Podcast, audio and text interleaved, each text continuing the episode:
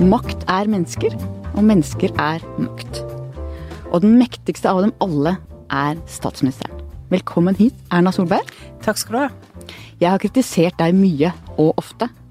På din vakt renner skattebetalernes penger ut, byråkratiet eser, og debatten om flyktninger og asylsøkere er mer polarisert enn jeg kan huske at den har vært noen gang tidligere. Alt dette skal vi komme tilbake til, men først vil jeg begynne der jeg vanligvis slutter.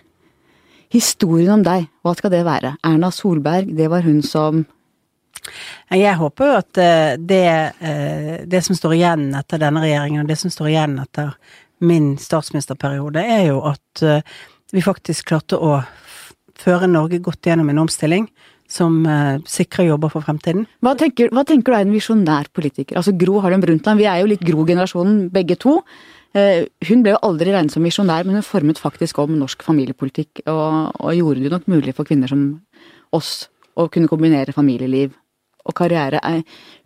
Tenker du at du er visjonær, eller er du en duer, eller går det an å være begge deler? Jeg mener det går an å, å være begge deler, og det er litt sånn hva er visjonær? Hvis visjonær er å snakke om ideer og tanker og ikke ha en praktisk politikk for å nå det, Eh, så er jeg kanskje ikke så visjonær, men, men, jeg mener vi la, altså Høyre la ut på en kurs i 2006 som vi definerte som under, under tittelen 'Muligheter for alle', og noen vil si at det er litt sånn wishy-washy. Det var et veldig ideologisk grunnlag for hva er målet for vårt partis samfunn.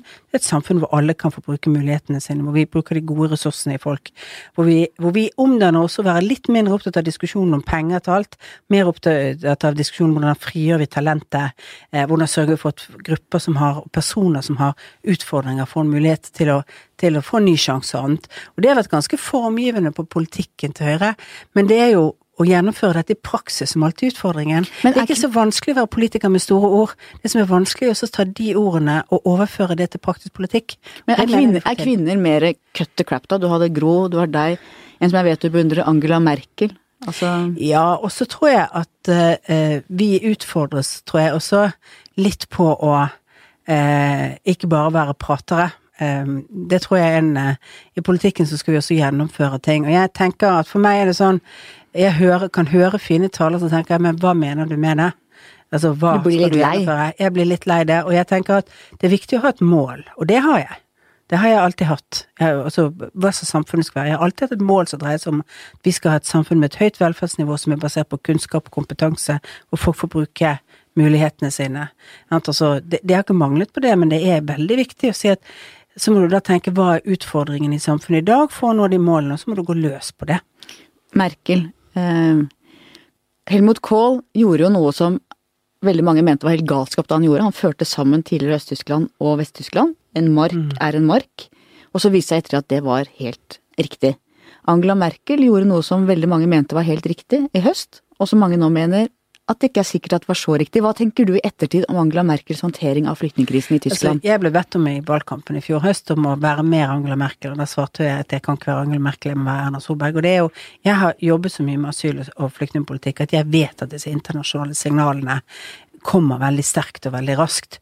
Og jeg tror hvis du har min erfaring som, på dette området, så tror jeg du vet også, for vi, jeg visste jo at vi annonserte at vi ikke skulle behandle saker fra Somalia, vi skulle ha en ny gjennomgang for å stramme inn på politikken eh, på et tidspunkt i 2004.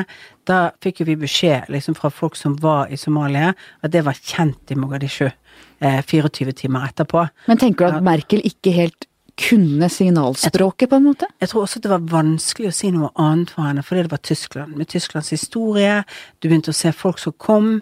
Altså det er Og så er det eh, hennes grunnleggende ryggmargsrefleks fra å ha vært i et diktatur, fra å ha vært stoppet av en mur. Må vi, vi må aldri glemme hvordan enhver generasjon blir påvirket av det bildet du har når du vokser opp, eh, hvordan verdenssamfunnet ser ut, og hva som er de riktige ryggmargsrefleksene i en sånn sammenheng. Eh, og da er det, tror vi det er mye vanskeligere for Tyskland å ikke si på en måte at vi kan mestre dette. Men det er klart, det åpnet Det ga et signal eh, som nok flere over var oppfattet som mye videre og bredere enn det det var meningen at det skulle være. Det kom 30 000 til eh, Norge i fjor. Du har uttalt at man kan klare 30 000 i år.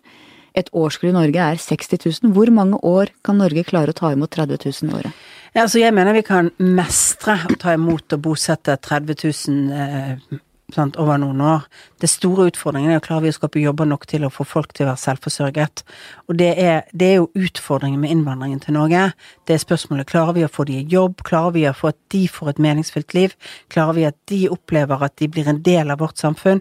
Sant? Altså eh, alt det. Og det er Folk glemmer i Norge at det er veldig komplisert å komme inn i det norske arbeidsmarkedet. Vi har få ufaglærte jobber, og mange av de ufaglærte jobbene vi har, er i servicenæringer hvor du trenger å kunne godt norsk, fordi du skal samhandle med andre mennesker på en måte som gjør at det for mange nyankomne er veldig vanskelig.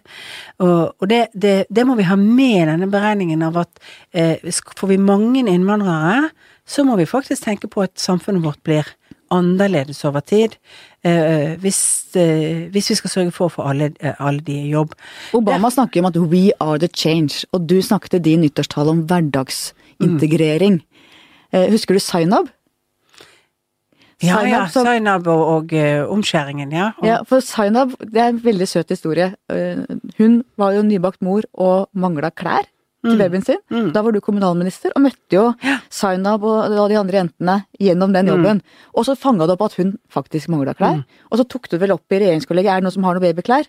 Du hadde det, kjørte med den svarte statsrådsbilen ned på Rodeløkka, hvor Saina bodde da, og leverte poser med babyklær. Er det ja, hverdagsintegrering? Ja, da, og en dukkevogn og sånn. Jeg hadde jo en datter som var noen år eldre, og som hadde vokst ut av alt sammen, så da var det Jeg syns jo Jeg får av mine venninner og jeg tenker at det er en hverdagsintegrering eller ikke. Det dreier seg om at hvis det er noen som har små barn, og du har istedenfor Du kan levere det i kasse til, til Fretex, eller du kan eh, levere det til noen du kjenner. Og når jeg fikk det spørsmålet om det var noen som hadde eh, barnetøy eller annet, så sa jeg at ja, jeg har jo. Eh, og eh, ja, og jeg syns jo Jeg syns det er litt sånn vi skal se hverandre. Eh, vi skal hjelpe til, og eh, vi har mange muligheter til å, til å gjøre det i hverdagen. Og og det, jeg har nok mange sånne små episoder om, om at eh, eh, Ikke minst fordi jeg har snakket mye med innvandrere og flykt, folk som har kommet som flyktninger. Noe av det vanskeligste de opplever å komme inn i det norske samfunnet, det å bli kjent med, med, folk. Og jeg har alltid sagt det er derfor du melder deg inn i et kor eller en organisasjon eller idretten og sånn, for det er der vi møter hverandre utenom jobben. Eh, men også, også, det at du, selv på Østlandet så snakker jo ikke folk med hverandre på et busstopp eller sånn. Vi bergensere har litt større tendens til å snakke med hverandre. Vi er litt, eh, litt annen stil. Nordlendinger gjør det samme. Men, men, det er veldig mange som sier at dette er liksom vanskelig å bli sett på som, som rar, og det å komme, komme, i kontakt. Og det blir jo ikke nordmenn. Jeg har vært opptatt av det her i VG, at vi må snakke om ikke norske muslimer, men muslimske nordmenn. Ja. Ikke norskpakistanere, men pakistaner-nordmenn. At nordmann skal være etternavnet. Vi må se hverandre som landsmenn. Men det sitter jo ganske langt inne. Ja, jeg syns jo det er rart. Altså, jeg har jo familie, altså min manns familie har vi jo muslimer, eh, sant. De er norske, eh, unge mennesker. Eh, fordi at moren deres kommer fra et land og har en muslimsk tro, så er de også det. Men de er jo norske jenter på Sunnmøre. Mm. Det er jo ikke noe annet, og du vil ikke falle meg inn og tenke på at det, det er noe annet. Og, og eh det syns jeg Det tror jeg vi kommer til å vokse av oss. Men veldig Som, mange blir jo spurt da, ja men hvor er du fra egentlig? Ja. Og det syns jo de er vanskelig. Hvis du er fra Ammerud eller fra mm. Drammen, så spør folk jo, men egentlig? Det, men det syns jeg, jeg den reklamen om at jeg er fra Harstad, den er fantastisk god jeg er knyttet til det. For det er eh, Og det er å huske liksom eh, på at eh, det, det er sånne små ting som vi gjør i hverdagen, som vi tenker ikke er et problem. Eh, men hvis du blir spurt om det hele tiden, så oppfattes det som vanskelig. Hvis eh, du er født og oppvokst i Norge, og du hver gang blir spurt om det, så er det litt vanskelig, for det blir påpekt at du er annerledes. Um, jeg husker jeg, ble, jeg så en amerikansk jeg var i USA på et tidspunkt, og så en amerikansk uh, høytstående advokat som ble spurt om liksom hva, hvorfor man får denne forsvarsreaksjonen når man er black American. Og så sa han det at ja, det, det er rart med det, men når han kommer inn, eh, hvis han kommer inn med dressen sin og dokumentmappen inn i heis, så er det kanskje ikke så stor reaksjon, men når han kommer inn og har vært ute og jogget eller annet i en heis, så går automatisk den hvite damen liksom noen skritt vekk i heisen, sant, for å skape space. Det gjør kanskje bare for at det skal være et større rom, sant, men så er det veldig lett også å tolke det som at det er litt frykt. Så det er en integrering er en tosidig affære? Det det er hvilken respons vi gir til andre mennesker i hverdagen er veldig betydningsfull for hvordan de tolker vårt samfunn, og hvordan de føler seg delaktig i vårt samfunn. Og det dreier seg ikke om at du nødvendigvis skal være bestevenner med alle innvandrere, men det dreier seg om å snakke med foreldre på et foreldremøte, Ta med deg det ekstra barnet på i bilen hvis du skal på fotballtrening. Det er å sørge for at noen, de kanskje møter noen andre, at de blir introdusert. Og det er jo ikke sånn at alle innvandrere heller syns det er så lett, eller nødvendigvis oppsøker det. Det kommer folk til Norge som er flyktninger, som er asylsøkere, som egentlig ikke har tenkt å bli en del av det norske samfunnet heller. De er tenkt på frykt. det er jo nemlig mitt neste punkt, Ja. og det er at det er jo også kulturelle forskjeller. Og det jeg har vært veldig opptatt av, er kvinnenes stilling. Det jeg mener er en kjerneverdi i Norge, er jo likestillingen. Jeg har vært i Saudi-Arabia, jeg har vært i Iran. Samfunn hvor kvinner er annenrangs borgere, sitter bakerst på bussen, det er jo kjønnsapartheid. Og folk legger jo ikke igjen sitt kvinnesyn i passkontrollen på Gardermoen. Hvordan skal vi forholde oss til det? Nei, det, og det mener jeg det, er- det er noen tydelige eh, sånne stolper vi må sette ned i vårt samfunn. Det er for eksempel å si at i vårt samfunn så er alle kvinner har disse rettighetene. Dine kone og dine døtre har retter til å gjøre sine egne valg. Du har faktisk ikke en makt over andre voksne mennesker eller dine barns valg på grunnleggende spørsmål. Og det tror jeg på en måte er en viktig del av kontrakten vi må bare si til alle som kommer. Dette er vårt samfunn. Du kan gjøre valg på ditt egen vegne, men ikke på barna dines vegne eller på din kone eller ektefeller. Altså, det hele. Det er viktig å si at her er det et annet mønster. Så kan, må folk få lov å gjøre de valgene de selv vil, hvis det er deres frie valg. Men derfor så har jeg vært veldig opptatt av at man skal delta på norskopplæring. En av grunnene til at når jeg var kommunalminister vi innførte rett og plikt til norskopplæring, var jo opplevelsen av at en del kvinner ikke deltok på det. De ble værende i et parallelt samfunn, hvis du kan si det sånn. Ikke i den formen av at de giftet seg til Norge.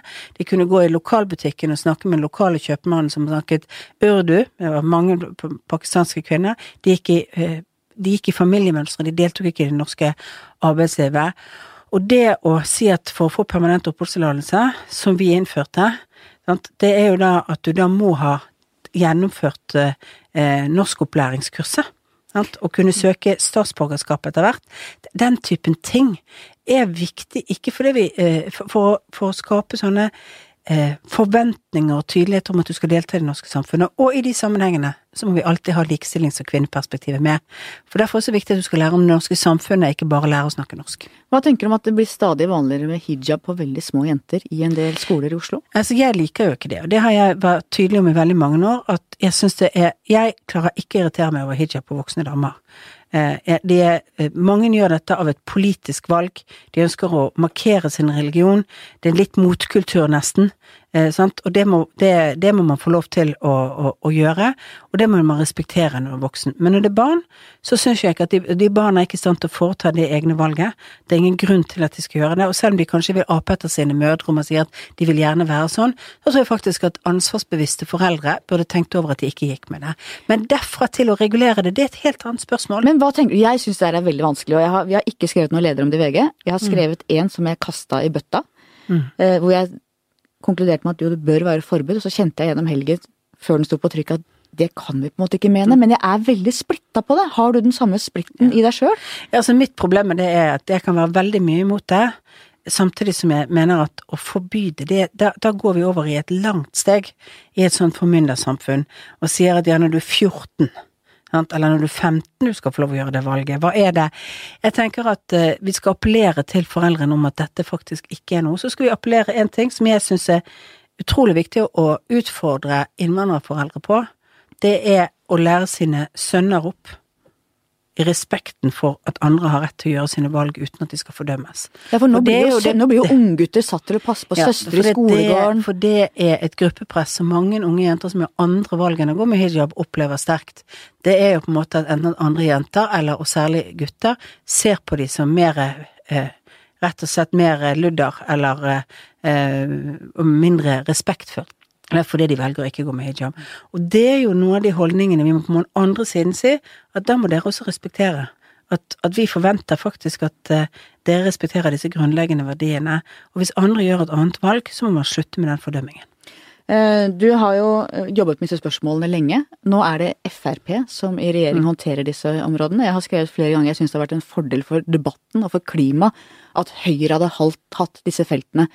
Fordi at eh, Frp fører jo faktisk det som har vært konsensus mellom Høyre og Arbeiderpartiet alltid i nyere tid i disse spørsmålene, men de har en retorikk som er helt annerledes. Er det nødvendig for Frp å ha den retorikken fordi de faktisk fører en annen politikk enn den de har stått for i opposisjon? Jeg vet ikke om de eh, Altså, jeg har i mange år sagt at eh, hvis du går inn i sakene og ser på hva man faktisk foreslår, og hvilke, hvilke spørsmål, så er ikke det så stor avstand til Fremskrittspartiet som noen vil ha. Det, det har vært på noen områder hvor det har vært større, større avstand. Eh, så jeg har alltid ment at det var enkelt for oss å finne løsninger i den praktiske politikken. Så hender dette noen retoriske grep og annet. Jeg, jeg, jeg mener, at, eh, mener ikke at de har et behov for å gjøre det, men de har kanskje en annen form for å snakke om det på noen av disse områdene. Men er det uheldig for debatten, eller er det uheldig? Jeg har snakka med folk i Arbeiderpartiet som sier at de føler at det blir vanskeligere for dem å få rekkene bak det som de egentlig mener er en ansvarlig politikk, fordi deres folk blir så provosert av Sylvi Listhaug. Jeg må si at jeg har registrert på en måte noe som jeg mener er en, en, en del av den norske politiske debatten. Det er at når saker er vonde og vanskelig, så diskuterer man helst retorikk eller prosess istedenfor å diskutere substans og innhold i forslagene. Og da er det lett å gripes til eh, ulike uttalelser som man måtte mene at man er uheldig, så blåser man det opp. Eh, og det er fordi at resten av det som er substans, det som betyr noe, det er faktisk eh, utfordrende å diskutere, fordi at da må man i større grad syne, syne flagg. Men syns, du, men syns du, det hadde vært lettere hvis det hadde vært Høyre som holdt i det? Hadde det Ja, altså, det er ingen tvil om at vi gjerne kunne hatt det feltet, eh, og hadde syntes at det hadde vært greit. Men det er jo sånn at jeg skulle gjerne hatt finansministeren òg, og samferdselsministeren, men det, eh, det var ikke grunnlag for den rene høyreregjeringen. Altså, sånn, hvis, du måtte velge, hvis du måtte velge mellom finans og dette feltet, hva ville du valgt da? Nei, det skal ikke jeg ta, men, men eh, det har noe med det, det, er flere felt som vi godt kunne tenkt oss å bytte og gjort andre og hatt andre løsninger, så går jo saker opp og ned i intensitet. Men så må jeg si at det er jo ikke sånn at en statsråd jobber alene på et område, det er en hel regjering. Og det er viktig å huske at de innstrammingsforslagene som ble presentert i romjulen, de var jo behandlet i regjeringen før regjeringsomdannelsen. Sånn at når uh, media skriver Sylvi Listhaug sine forslag, så er det regjeringen sine forslag, og de får faktisk da jobbet med i regjeringen før hun fikk ansvar for området. Sånn at jeg er eh, Så selv om jeg mener at Sylvi faktisk gjør en god jobb på disse områdene, hun er også veldig samvittighetsfull og jobber mye med, med, med, med spørsmålene knyttet til inkludering og eh, spørsmålene om, om integreringspolitikken fremover, eh, så, så, er hun en dame som, sier, som, som er tydelig også i språket sitt, og det kan kappe debatt. Men jeg føler litt at den debatten som har vært, har vært fordi at det er mer behagelig å diskutere det enn å diskutere de vanskelige, store spørsmålene. Du er jo en innholdsjunkie, vil jeg mm. si, på substans. Det er én ting jeg har veldig dyp respekt for, og det er hvordan du stadig heiser spørsmål om psykiatri og mm. rus. Du hadde det som viktigste tema i din første nyttårstale. Hvor kommer det engasjementet fra? Det vet jeg ikke. Det kan jo være litt at min mor jobbet som, eh, jobbet som kontorsjef på et syke, senter for psykisk helsetjeneste for studenter lenge, så jeg er egentlig vokst opp med å ha kontakt med psykologer og, eh, og mye av det engasjementet. Men så tror jeg også at det har noe med altså Når du er politiker, så møter du mennesker i ulike faser av livet deres. Sant? Og du Jeg har sittet på, på møter med både noen av de mest innflytelsesrike internasjonale og annet og sånn, men eh, det er også viktig å gjøre noen av de møtene hvor du møter folk som virkelig har det vanskelig, og så vet du hvor tilfeldig dette kan være. Altså, det er jo, det er jo nesten sånn at alle du kjenner, har en eller annen i bekjentskapskretsen sin som enten har et barn som har begått selvmord, eh, du har noen som har vært lenge innlagt. Altså, det, dette er en av de store folkesykdommene som det snakkes lite om, og, og, nesten, og, det, og det berører hele familien når det skjer. Et barn som får rus eller psykiske problemer, kan nesten lamme familien totalt med det som skjer, fordi at det blir det du blir opptatt av. Og hvorfor er det så mange ungdommer som sliter nå? Det tause opprøret. Altså, ja. de sulter altså, seg, de skader seg, de har store psykiske problemer. Hvilket samfunn er det vi gir ungene våre? Kanskje et samfunn hvor vi er for lite flinke til å glede oss over ting i hverdagen, de små tingene. Eh, kanskje vi lager for store ambisjoner for barna våre, kanskje gruppepresset blir for stort, men kanskje også at vi er litt for lite flinke til å gi barna følelsen av verdi i seg selv. Og derfor så er det verdi i form av hva de presterer, hva de gjør, hvordan de ser ut. Vi sier jo du ja. kan bli hva du vil, og da ja. er det på en måte den sin feil, feil hvis den ikke klarer ja. å oppfylle de Også, forventningene. Ja. Og så, så, er det selvfølgelig masse sånn, men, det, men mye av det med hvordan vi klarer å skape robusthet hos barn. Og så eh, til å tåle litt motgang, til å tåle litt eh, press. Og så vet vi at barn er forskjellige. Altså alle som har mer enn ett barn, vet at barn er forskjellige. At det, det, er ting som den ene reagerer på, reagerer ikke den andre på i det hele tatt, og, og de håndterer det. Så det er jo personell, øh, personlige forskjeller. Men det, jeg, tror at jeg tror vi legger Kanskje legger skolen press på dem, kanskje legger vennene press på dem, men det er det største presset de legger på seg selv. Det har jo mye å gjøre med da Hvilke forventninger møtes du med? Eh, klarer vi på en måte å si at det er greit at du på en måte bruker litt lengre tid på noe? Gjør litt annerledes. Men det er nok et press i vårt samfunn på å være vellykket, og ikke på liksom å å klare de, eh, de, små tingene. Min gamle, min forgjenger Olav Verstå, han var politisk redaktør før jeg ble det, han sa jo alltid at det er rart med vårt samfunn, vi dyrker det som forfaller, det ytre, og så er vi ikke opptatt av det som vokser med alder og erfaring, mm. nemlig sjelen og intellektet. Jeg syns det er ganske godt sagt. Det er veldig godt sagt, eh, og det, det, det er kanskje litt sånn at vi er litt uh, vi dyrker jo på en måte litt sånn ungdom og prestisje og eh, idrettsutøvere og alle som er veldig flinke på det. Eh, og vi lager mye forventninger. Eh, men det er jo, jeg tror kanskje også at barn er veldig ambisiøse selv ofte. Eh, og det skaper nok eh, eh, Kanskje foreldre må være litt flinkere til å roe ned ambisjonene. Vi har jo vært unge vi òg, men nå er vi mm. voksne damer. Hvordan har du forandra deg gjennom alle disse årene? Um, jeg syns det går så gradvis at jeg vet ikke. Altså, det er jo helt Altså, du blir jo tryggere på deg selv jo eldre du blir. Du blir litt mindre opptatt av hva andre folk mener og sier om deg. Uh, og, Men har du alltid vært så trygg som du fremstår? Du er jo litt sånn eh, Nei, altså alle de som kjenner meg vil nok kanskje si at jeg var enda mer påståelig da jeg var yngre, og at jeg kanskje var hissigere. Oi, oi. Men eh, altså litt sånn kunne, kunne la meg tirre i debatter. Jeg kanskje lærte jeg ganske mye i sånn ung tid av politiske debatter om å ikke la meg tirre, fordi at eh, det er nemlig ingenting, ingenting, som er dårligere enn en sint dame i en debatt. Altså det er clou nummer én. Det er liksom å få fistelstemmen eller sint dame i debatt. Det er på en måte Menn kan være sinte i debatter, og det kan gå litt sånn. Damer kan ikke være sinte i debatter, for da blir de kjerringer. Det er smalere. Det er et smalere spor for kvinnepolitikere. Det er viktigere på en måte hvordan du Altså én ting er utseendet og sånn, men, eh, og alt det andre som man blir opptatt av, men det, det, det er særlig kanskje måten du fremstår på. Eh, er litt smalere perspektivet for kvinnelige politikere. Mitt første bilde av deg. Det er viktigere for meg, på en måte, og det har kanskje vært viktigere for meg alltid å fremstå som, som rolig. Er det i natur? Eh, men litt Jeg har kanskje lært meg å være litt mer påståelig. Hva er det som gjør deg forbanna nå? Altså, jeg, eh, jeg Det som alltid gjør meg mest forbannet, er når jeg mener folk lyver med overlegg. Eh, det er en sånn ryggmargsrefleks jeg har. Folk kan ta, ha misforståelser og annet, men når jeg møter, møter, politiske motstandere eller andre som jeg bare hører at de lyver, eller hvis folk snakker uærlig til deg, og sånn, og du vet at det er feil, det, det trigger meg fortsatt, for jeg syns liksom at det er, eh, det er en sånn ja, det, er, det, går imot alt det jeg mener. Folk kan gjøre feil. Folk kan misforstå. Folk kan ha lært, eh, blitt opplært til å få et argument som er skapt i et annet politisk parti, og, og, sånn, og så komme og fremføre det. Men det hender da det trigger meg, for det, det tenker jeg liksom at eh, det er liksom lavmålet, etter min mening. Mitt første bilde av deg på netthinna, det var fra Norsk Studentunions landsting på 1980-tallet.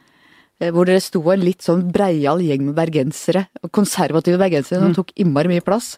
Mens jeg tilhørte en liten gruppe som fikk eh, plass i telefonkiosken, som de sa. Men så møttes vi jo mer på Stortinget da jeg ble politisk reporter, og da satt vi ofte sammen i røykerommet rundt det runde bordet. Mm. Cirka hvor vanskelig syns du det var å slutte å røyke? Eh, jeg pleier å si at jeg har sluttet tre ganger, og det var ikke så vanskelig å slutte. Det som var vanskelig, var å ikke begynne igjen. altså, eh, jeg holdt opp eh, i, først i, eh, i, fem år, så i faktisk eh, syv år, og så har jeg da nå holdt opp i snart, snart tiårsjubileum. Men man slutter aldri å være røyker, egentlig? Nei, og det er det jeg sier, at jeg, jeg har holdt opp i så lenge. Og jeg vet jo at det, det jeg har gjort feil hver gang, er jo at du på et tidspunkt tror at du kan være festrøyker, og det går kanskje et halvt år. Og så blir jeg Altså, jeg ble kommunalminister, og så ble livet en fest, sa jeg, fordi at eh, plutselig så ble det sånn litt uh, Det er en vane du har lagt deg til, et, et avhengighetsforhold. Men jeg har ikke opplevd det veldig vanskelig å slutte å røyke.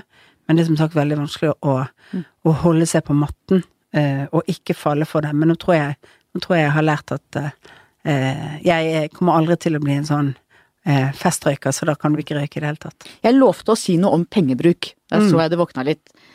Dere har brukt like mye oljepenger på tre år som de rød-grønne gjorde på åtte år. Og dere begynte med det før Eh, de mm. økonomiske vanskelige tidene virkelig meldte seg. Dere har jo en veldig dyr partner i Frp. Hvordan kan du som Høyre-dame forsvare det?